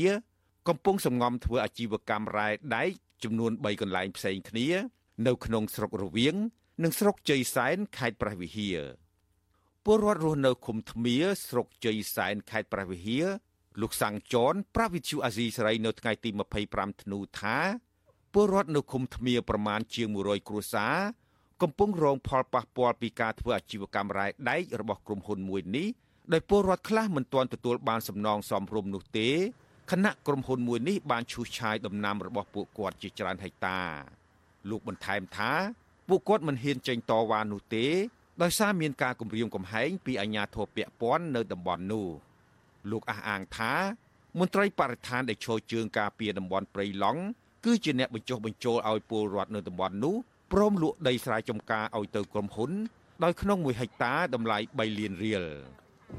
នៅពេលនេះគឺអារម្មណ៍របស់ខ្ញុំបាទតំណាងឲ្យប្រជាពលរដ្ឋដូចជាប្រជាពលរដ្ឋទូទៅដែរក៏តាមស្ដាប់លើគឺគាត់រួយបារម្ភដូចតែគ្នាដែរដោយសារតែយើងខ្លាចបាត់បង់ បាទទី1គឺតំណាំដែលគាត់បានអាស្រ័យផលមកកន្លងមកហើយគឺ4 10ឆ្នាំហើយគឺគាត់អារម្មណ៍ខ្លាចដែរទី2នោះគឺវាហុំព័ទ្ធទៅដោយដីព្រៃតិចតួចដែរដុំម្ដុំនោះគឺកន្លែងគ្រាគោគ្រាបីរបស់ប្រជាពលរដ្ឋគាត់ខ្លាចខាត់បង់អឺដីអនុផលក៏ដូចជាកន្លែងគ្រាគោគ្រាក្បីរបស់គាត់ហ្នឹងឯងអាហ្នឹងជាការព្រួយបារម្ភដូចខ្ញុំគឺទាំងស្រុងហើយព្រោះអីដី តែប្រហែលហ្នឹងបើសិនណាយកទៅហើយគឺខ្ញុំបានអីនៅថ្ងៃអនាគតខាងមុខគឺ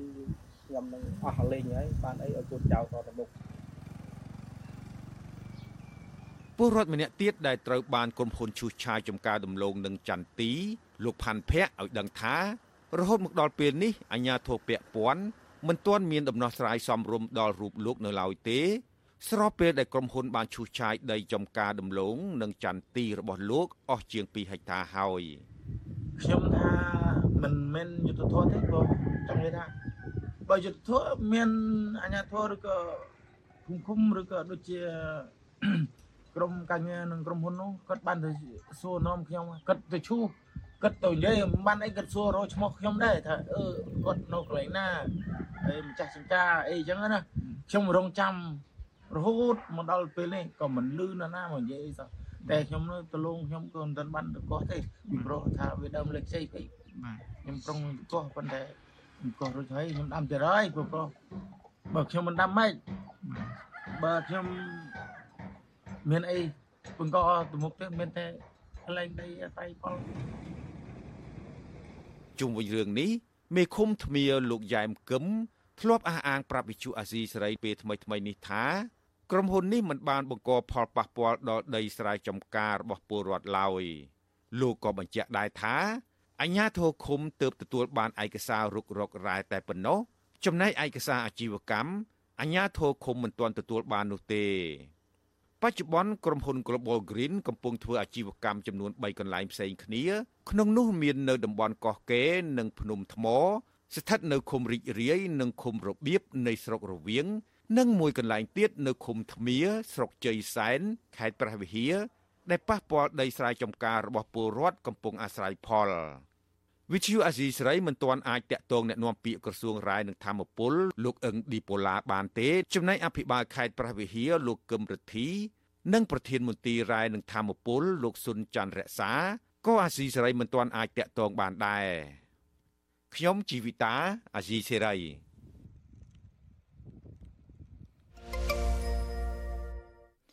បាទលោកអ្នកនាងជាទីមេត្រីព្រះសង្ឃខ្មែរមួយចំនួនដែលគង់នៅប្រទេសថៃតែងតែជួយទំនុកបំរុងដល់ជនភៀសខ្លួននិងពលករខ្មែរដែលបានចូលរួមទាមទារឲ្យរដ្ឋាភិបាលកម្ពុជាងាកមកដើរតាមគន្លងលទ្ធិប្រជាធិបតេយ្យដោយមិនគិតពីការនឿយហត់បាទព្រះអង្គមានថេរដីកាថាការធ្វើបែបនេះគឺដើម្បីចូលរួមចំណាយស្ដារលទ្ធិប្រជាធិបតេយ្យនៅកម្ពុជាឲ្យរស់ឡើងវិញបាទថាតើព្រះសង្ឃទាំងនោះធ្វើការងារអ្វីខ្លះជួយទៅដល់ជនភៀសខ្លួនខ្មែរ បាទលោកអ្នកនាងនឹងបានស្ដាប់សេចក្តីរីសេចក្តីរាយការណ៍នេះពឹស្ដាររបស់អ្នកស្រីសុជីវីនៅក្នុងកម្មវិធីផ្សាយរបស់យើងនៅព្រឹកស្អែក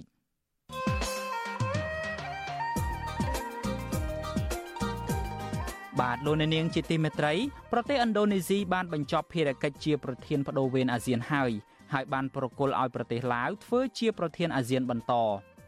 អាណត្តិប្រធានបដូវវេនអាស៊ានរបស់ប្រទេសឥណ្ឌូនេស៊ីបន្ទាប់ពីកម្ពុជាកាលពីឆ្នាំ2022នោះក៏មិនទាន់អាចដោះស្រាយវិបត្តិនយោបាយនៅមីយ៉ាន់ម៉ាឬភូមាបាននៅឡើយនោះដែរថាតើហេតុអ្វីបានជាប្រទេសឥណ្ឌូនេស៊ីឬមួយក៏អាស៊ានមិនអាចដោះស្រាយវិបត្តិនយោបាយនៅភូមាបានតើភូមាអាចនឹងបាត់បង់អាសនៈពីអាស៊ានដែរឬទេ នៅពេលខាងមុខនេះបាទនេះគឺជាប្រធានបទនៃវេទិកាអ្នកស្ដាប់វិទ្យុអាស៊ីសេរីនៅយប់ថ្ងៃសុក្រស្អែកនេះ បាទលោកអ្នកនាងអាចបញ្ចេញមតិយោបល់ឬសួរសំណួរដោយដាក់លេខទូរស័ព្ទរបស់លោកអ្នកនាងនៅក្នុងប្រអប់ខ្ទង់ comment នៃការផ្សាយផ្ទាល់របស់វិទ្យុអាស៊ីសេរីនៅលើបណ្ដាញសង្គម Facebook YouTube និង Telegram បាទក្រុមការងាររបស់យើងនឹងតាក់ទងទៅលោកអ្នកនាងវិញបាទសូមអរគុណ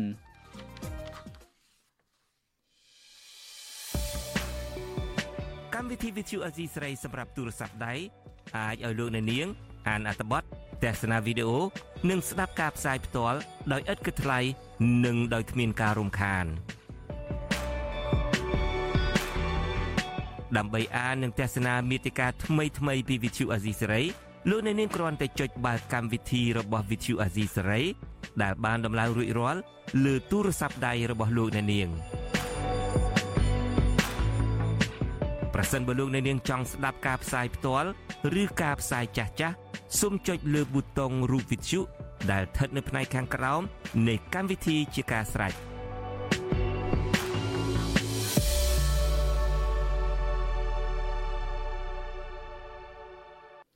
បាទលោកអ្នកនាងជាទីមេត្រីដោយខ្ញុំបាទបានជម្រាបជូនលោកអ្នកនាងពីខាងដើមហើយថានៅចុងកម្មវិធីរបស់យើងនៅថ្ងៃនេះគឺយើងនឹងមានការបកស្រាយដោយផ្ទាល់ពីសំណាក់លោកថាថៃតាក់ទងទៅនឹងយុទ្ធសាស្ត្ររបស់គណៈបកកណ្ដាលអំណាចដែលប្រើប្រាស់យុវជន និងនិស្សិតខ្មែរនៅក្រៅប្រទេសមួយចំនួនធ្វើជាឧបករណ៍នយោបាយរបស់ខ្លួន បាទគេសង្កេតឃើញថានៅរយៈពេលចុងក្រោយនេះគណៈបកប្រជាជនកម្ពុជាតែងតែរៀបចំយុវជន ប្រជាពលរដ្ឋនិងនិស្សិតខ្លះនៅក្រៅប្រទេសឲ្យចេញវីដេអូគាំទ្រនិងស្វាគមន៍លោកនាយរដ្ឋមន្ត្រីហ៊ុនម៉ាណែតដូចជាករណីទៅប្រទេសជប៉ុន និងគម្រោងរបស់លោកទៅប្រទេសបារាំងនៅក្នុងពេលឆាប់ៗខាងមុខនេះ។ ថាតើគណៈបកប្រជាជនកម្ពុជាប្រើវិធីសាស្ត្របែបណាខ្លះដើម្បីយកនិស្សិតខ្មែរជាឧបករណ៍ហើយថាតើទង្វើបែបនេះមានផលប៉ះពាល់បែបណាខ្លះទៅដល់សង្គមខ្មែរនោះបាទនៅពេលនេះយើងបានភ្ជាប់តាមប្រព័ន្ធ Skype ទៅកាន់លោកថាថៃហើយដើម្បីឲ្យលោកបកស្រាយលម្អិតអំពីរឿងនេះខ្ញុំបាទសូមជម្រាបសួរថៃពីចម្ងាយបាទបាទសូមជម្រាបសួរតារានិងសូមជម្រាបសួរដល់ប្រិយមិត្តអ្នកស្ដាប់ផងបាទ បាទអរគុណច្រើនណាស់ថៃដែលលើកយកបញ្ហានេះឬមួយក៏ប្រធានបទមួយនេះមកវែកញែកជូនទៅដល់លោកអ្នកនាងដោយសារតែយើងមិនមានពេលច្រើននោះទេដូច្នេះ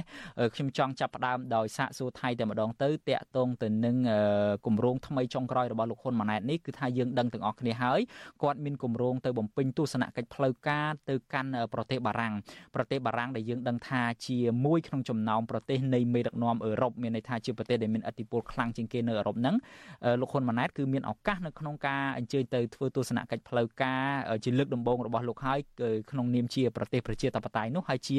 ប្រមុខរដ្ឋាភិបាលកម្ពុជានឹងដូច្នេះថាតើឥឡូវនេះក្រមនិស្សិតឬមួយក៏យុវជនឬមួយក៏ប្រជាពលរដ្ឋខ្មែរនៅទីនោះមានការរៀបចំយ៉ាងដូចម្ដេចពីសំណាក់គណៈបកប្រជាជនកម្ពុជានៅក្នុងដំណើរទស្សនកិច្ចរបស់លោកហ៊ុនម៉ាណែតនេះបាទថៃសូមជើញបាទបាទអរគុណតារា បាទដោយតារាបានដឹងហើយដំណើរទស្សនកិច្ចរបស់លោកហ៊ុនម៉ាណែតទៅបារាំងនេះគឺមិនខុសពីដំណើរទស្សនកិច្ចទៅសហរដ្ឋអាមេរិកកាលពីមុននេះទេហើយក៏មិនខុសពីដំណើរទស្សនកិច្ចទៅប្រទេសជប៉ុនដែរ គឺថាលោកតែងបញ្ជូនក្រុមរបស់លោកទៅចងមុងមុនឬក៏ទៅប្រមូលគីងកោមនុស្សមុនដើម្បីរងចាំទទួលស្វាគមន៍រៀបចំឲ្យមានការសម្ដែងស្វាគមន៍គ្រប់គ្រងលោកអញ្ចឹងទៅហើយយើងឃើញប្រហែលថ្ងៃនេះនឹងគឺចាប់ផ្ដើមមានរូបភាពជាបន្តបន្ទាប់ដូចជា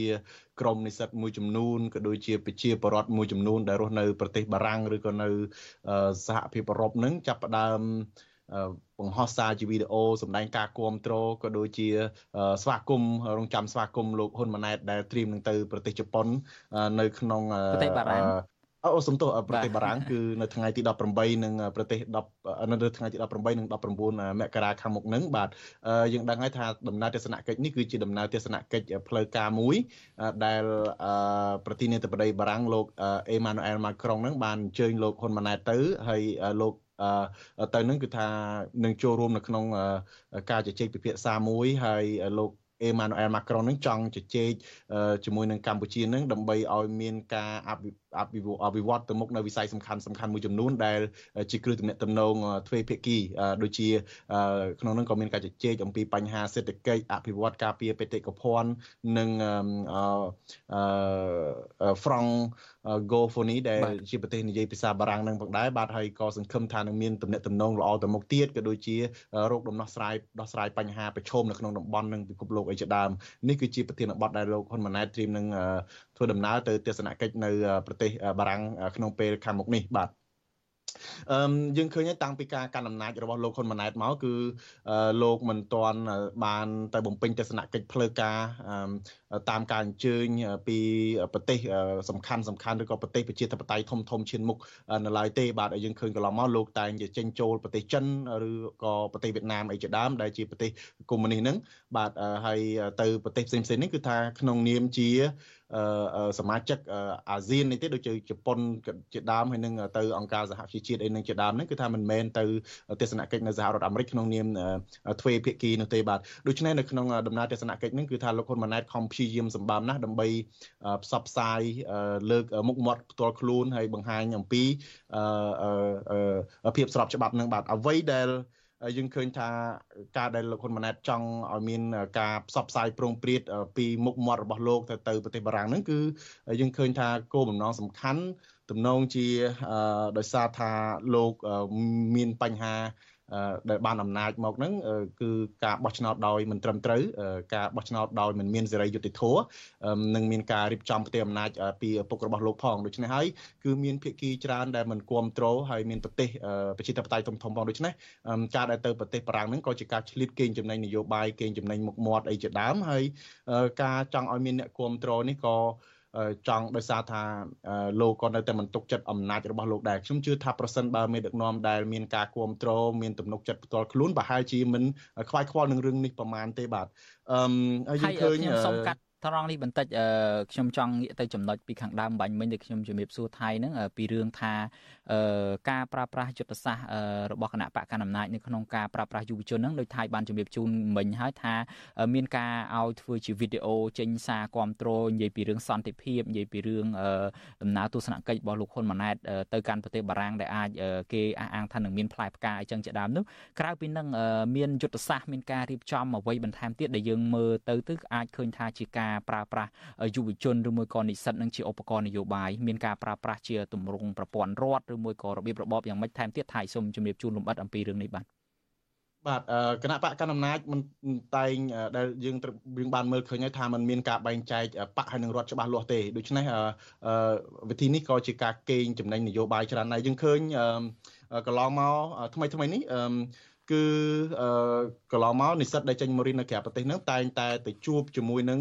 ក្រមមន្ត្រីរបស់គណៈបកកណ្ដាលអំណាចដើម្បីអឺទៅមុននឹងចេញដំណើរមកក្រៅប្រទេសហ្នឹងដើម្បីទៅទៅជួបសំណេះសំណាលជាមុនសិនហើយមន្ត្រីបកកណ្ដាលអំណាចហ្នឹងសិតតែជាអ្នកដែលមកពង្រឹងនៅតាមប្រទេសនីមួយនីមួយឧទាហរណ៍ថាដូចនៅប្រទេសអូស្ត្រាលីជាដើមដែលមានលោកគឹមសន្តិភាពហ្នឹងនៅពេលដែលមាននិស្សិតចេញមករៀននៅប្រទេសអូស្ត្រាលីហ្នឹងគឺថាតែងតែទៅលោក ជួបលោកគឹមសន្តិភាពសិនហើយនៅប្រទេសផ្សេងផ្សេងក៏ដូចគ្នាដែរជាក់ស្ដែងយើងឃើញថាកាលពីថ្ងៃទី3មករាម្សិលមិញនេះម្សិលមួយថ្ងៃនេះគឺថាអឺសំទោសម្សិលមិញដោយសារពេលវេលាអឺគឺលោកឡាវវ៉ាន់ហ្នឹងដែលលោកឡាវវ៉ាន់ហ្នឹងគឺជាអនុប្រធានក្រុមការងារពង្រឹងគណៈបកប្រជាជនកម្ពុជានឹងនៅប្រទេសអូស្ត្រាលីនិងនៅវែលឡង់ផងហើយជាប្រធានក្រុមការងារនៅក្រុងមែលប៊នប្រទេសអូស្ត្រាលីនេះផងរួមទាំងមានទូនាទីមួយទៀតនឹងគឺជាប្រធានគ្រប់គ្រង និស្សិតក្រៅប្រទេសប្រចាំសាធារណរដ្ឋចិនតែម្ដងដូច្នេះលោកបានជួបជាមួយនឹងនិស្សិតជាង100នាក់អឺដើម្បីជជែកនឹងចែកពាក្យអាហារូបករណ៍ទៅរៀននៅប្រទេសចិននឹងហើយក្រៅពីនឹងគឺដូចជារដ្ឋមន្ត្រីក្រសួងអធិការកិច្ច លោកហ៊ុតហាក់នឹងក៏មានទូនាទីដែរទទួលបន្ទុកនៅសហភាពអឺរ៉ុបនឹងក្នុងការពង្រឹងគណៈបព្វជិជននឹងក៏បានជួបសំណេះសំណាលជាមួយនិស្សិតនឹងជាង50នាក់ដែរកាលពីថ្ងៃទី3មករាហ្នឹងបាទហើយកាលពីថ្ងៃទី31ធ្នូវិញគឺលោកគឹមសន្តិភាពរដ្ឋលេខាធិការក្រសួងយុតិធធនិងជាក្រុមការងារពង្រឹងគណៈបកប្រធានក្រុមការងារពង្រឹងគណៈបកប្រជាជននៅប្រទេស អូស្ត្រាលីនិងញូហ្សេឡង់ហ្នឹងក៏បានជួបជាមួយនឹងនិស្សិតអាហារូបករណ៍ហ្នឹងជិត50នាក់ដែរមុនពេលពួកគេមករៀននៅប្រទេសអូស្ត្រាលីហ្នឹងបាទហើយរួមមានទាំងលោកវងសូនី វិសិតដែលជាដែលបដូរពីរដ្ឋលេខាធិការក្រសួងព័ត៌មានទៅជារដ្ឋលេខាធិការក្រសួងសង្គមគិច្ចហ្នឹងក៏បានជួបជាមួយនឹងនិស្សិតហ្នឹងដែរយើងអាចនឹងមានពេលក្រោយទៀតដើម្បីជជែកលម្អិតអំពីរចនាសម្ព័ន្ធដែលគេរៀបចំដើម្បីចាត់ចែងក្រុមការងាររបស់គណៈបព្វជិជននៅក្រៅប្រទេសហ្នឹងប៉ុន្តែចំណុចមួយដែលខ្ញុំចង់ជំរាបសួរថៃហើយដែលទូទស្សនិកជនឬមួយក៏ប្រិយមិត្តអ្នកស្ដាប់នឹងចង់ដឹងដែរតាំងពីចំនួនដឹកនាំរបស់លោកហ៊ុនសែនមកម្លេះការរៀបចំយុវជននិស្សិតប្រជាប្រដ្ឋខ្មែរឲ្យទៅនៅក្រៅប្រទេសហ្នឹងដើម្បីទៅទទួលស្វាគមន៍នៅពេលដែលគាត់ចេញទៅក្រៅប្រទេសម្ដងម្ដងហ្នឹងមានទម្រង់ដដែលដដែលគឺប្រមូលមកក្នុងទម្រង់ច្រើនហើយមានការចំណាយផ្សេងផ្សេងទៅលើពួកគាត់នឹងហើយមកដល់ពេលនេះយើងក៏ឃើញដែរថាគណៈបព្វជិជនកម្ពុជាបានដឹកនាំប្រទេសហ្នឹងផ្ដាច់មុខទៅហើយហេតុអីបានជាលោកហ៊ុនម៉ាណែតខ្លួនឯងហ្នឹងមានតម្រូវការនៅក្នុងការឲ្យយុវជនឲ្យប្រជាពលរដ្ឋឲ្យនិស្សិតអីហ្នឹងទៅគ្រប់គ្រងលោកអីក្នុងរូបភាពបែបហ្នឹងថៃមានការចាំបាច់អីក្នុងកម្រិតហ្នឹងដែរបាទ អឺมันមានអ្វីច្រើនក្រៅតែពីចង់បានមុខមាត់ចង់បានរូបភាពយកមកបង្ហាញធ្វើនយោបាយប្រជាប្រដ្ឋបង្ហាញប្រជាពលរដ្ឋនៅក្នុងស្រុកទេថាខ្លួននឹងមានការគ្រប់គ្រងពីគ្រប់ទិសទីអញ្ចឹងទៅបាទដូច្នេះយើងឃើញថាដូចជាមិនមានហេតុផលអីសំខាន់ទេអញ្ចឹងហើយបានរៀបចំគៀងគោ ពីព្រោះថានៅក្រៅប្រទេសហ្នឹងកន្លងមកតែងតែមានចលនាគ្រប់គ្រងគណៈបកប្រឆាំងហ្នឹងខ្លាំងដូច្នេះហើយហើយមានបាតកម្មបំបាក់មុខអីជាដើមអញ្ចឹងទៅដូច្នេះហើយក៏ព្យាយាមដើម្បីស្ដារមុខមាត់ហ្នឹងគឺតែងតែ មានយុទ្ធសាស្ត្រផ្សេងៗដើម្បីបំបីសហគមន៍ខ្មែរបំបី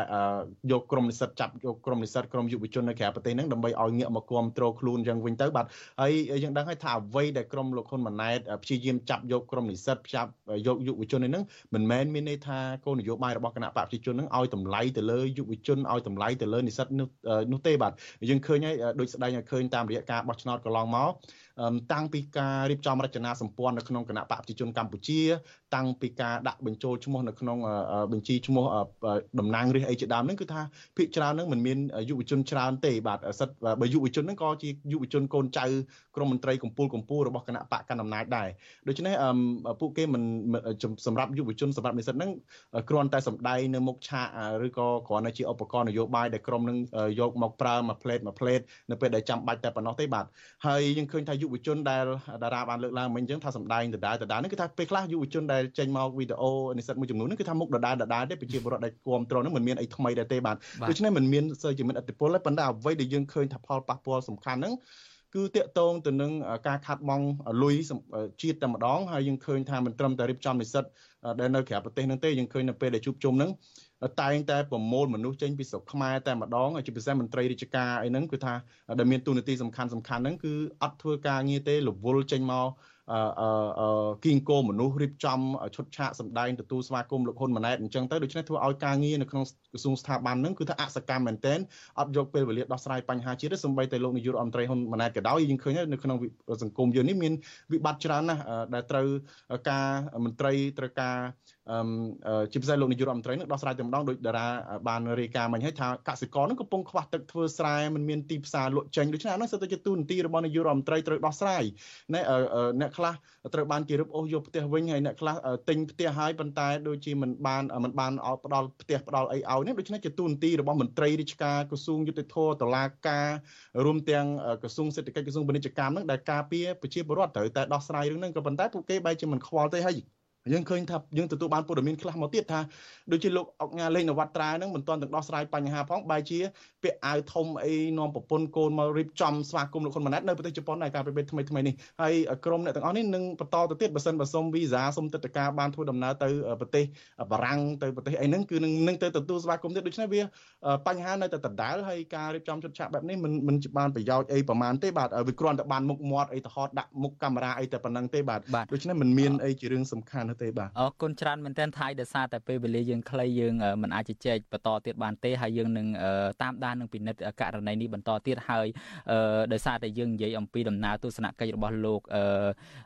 ហ៊ុនម៉ាណែតទៅកាន់ប្រទេសបារាំងនេះធ្វើឲ្យខ្ញុំនឹកឃើញដែរកាលពីចំនួនលោកហ៊ុនសែនទៅបំពេញទស្សនកិច្ចកាលនឹងក្នុងក្របខ័ណ្ឌអាស៊ានទេទៅកាន់អឺរ៉ុបគឺថាមានបាតកម្មប្រឆាំងលោកហ៊ុនលោកហ៊ុនសែនច្រើនមែនទែននៅបែលហ្សិកហ្នឹងនៅឯប្រទេសបារាំងអីហ្នឹងហើយពេលហ្នឹងនិន្នាការចុងក្រោយហ្នឹងក៏មានការបញ្ជូនគេហៅទៅក្រុមបាតដៃទី3ទៅអុកឡុកទៅរំខានទៅដល់សកម្មភាពធ្វើបាតកម្មនឹងដែរហើយពេលហ្នឹងខ្ញុំបានសម្ភាសដោយធ្វើជាថ្ងៃ